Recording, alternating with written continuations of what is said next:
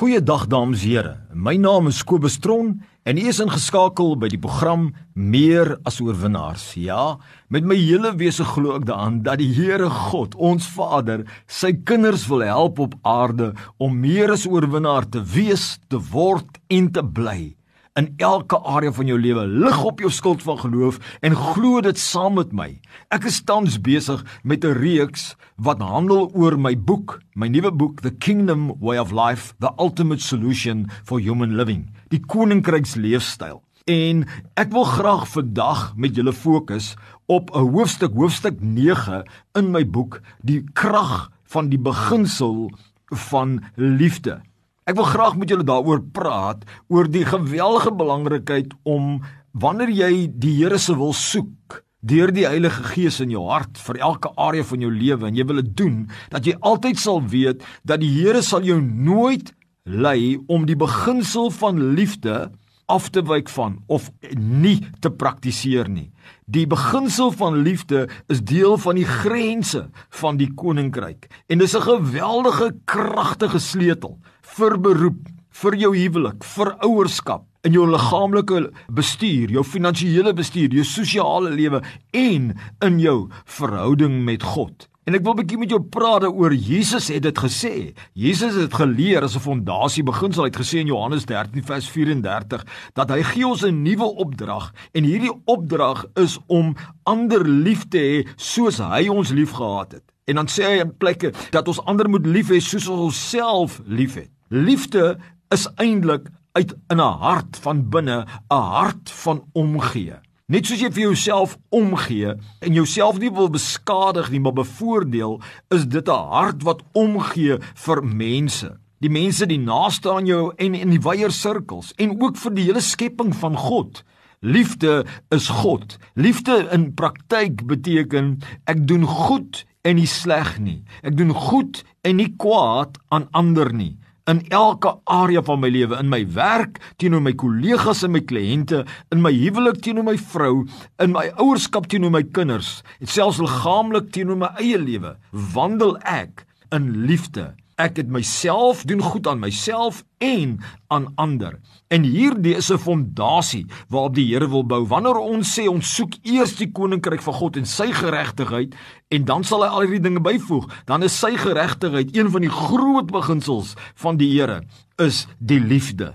Nooit, nooit sal die Here wil verlang van jou om daardie beginsel van af te wyk nie. Onthou, elke beginsel van die Here is 'n lewensverrykende weg om te lewe, waarvan daar sekere wonderlike voordele in lê wanneer ons dit toepas, gewaarborgde voordele. En wanneer ons dit afwyk van, is daar gewaarborgde nadele, destruktiewe nadele. En dit is nie God wat dit dan doen nie, dit is jy wat uitgestap het en God weet voor die tyd wat sou gevolge wees as 'n mens uit liefde uitstap. Die kind van die Here se hart moet wees ons doen goed aan ander en nie kwaad nie.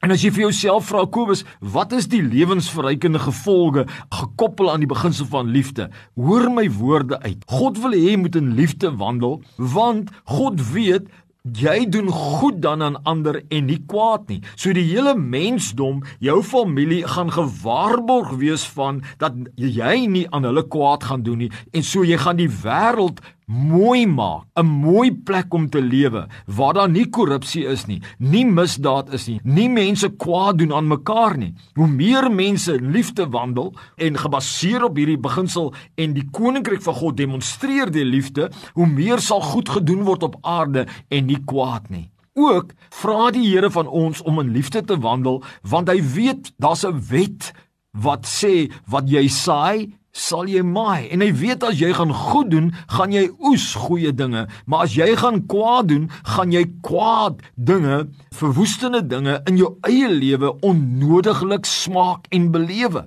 En dis hoekom die Here wil hê jy moet hierdie as 'n wapen gebruik en as 'n sleutel gebruik in jou lewe. Ook wil die Here vir jou baie duidelik stel dat wanneer jy, hy wil hê jy moet in liefde wandel, want dan gaan jou mense rondom jou en die wat teenoor jou in liefde wandel, meer gelukkig wees. Jou spanlede gaan meer gelukkig wees. Die moraal gaan hoër wees want niemand word abused nie, niemand word verwoes nie, niemand word geslag nie. Reg, niemand word so onnodiglik gegraai nie. En verskoon my Engels hier tussenin, maar ek moet dit so stel. Nog 'n rede hoekom die Here wil hê ons moet in liefde wandel, is ons weerstaan die bose. Satan en sy magte kom uit die donker koninkryk. En uit die donker koninkryk probeer hy hulle ons uit die koninkryk van liefde en lig vat. Maar wanneer ons in liefde bly, dan weerstaan ons Satan dan oorwin ons die kwaad deur goed te doen. Ons oorwin daai bose werke want hy kan nie aan ons raak nie, maar wanneer ons wil kwaad met kwaad vergeld, dan kom ons en ons maak 'n deur oop vir Satan. So liefde is 'n kragtige wapen om die duister, donkere, verwoestende mag te weerstaan. Oral op aarde, hoe meer ons die ligte van liefde is, hoe meer weerstaan ons die bose en word hy uitgewys en word daar minder en minder verwoesting gemaak. Daarom wil die Here hê almal moet gered word en in die band van liefde lewe. Ook nog 'n voordeel is dat wanneer jy in liefde wandel, dan behou jy persoonlike vrede en geluk. Daar's 'n joy wat in jou hart is wanneer jy in liefde bly en goed doen, maar daar's 'n vrede en 'n blydskap wat weggeneem word wanneer jy nie in liefde wandel nie. Ook gaan liefde wandel help vir jou om in kontak met die Here te bly. Wanneer jy kwaad doen en in sonde val en destruktief is, dan breek jy hierdie koneksie tussen die Here. Dan moet die Here jou eers weer vergewe en reinig van ongeregtigheid. Ook weet die Here, wanneer jy in liefde wandel, trek jy mense na God toe want hulle sien die goedheid van God in jou. En so verminder ons die steelery en die slagting en verwoesting op aarde. Kom ons lewe in liefde. Ons doen goed aan mekaar en kom ons sien hierdie kragtige wapen en kom ons wees meer as oorwinnaars omdat ons hierdie wapen van liefde goed doen uit omgee lewe aan ander. Mag die Here jou seën met 'n wonderlike week en 'n leeftyd terwyl jy strewe om deur die Heilige Gees in liefde te wandel. Amen.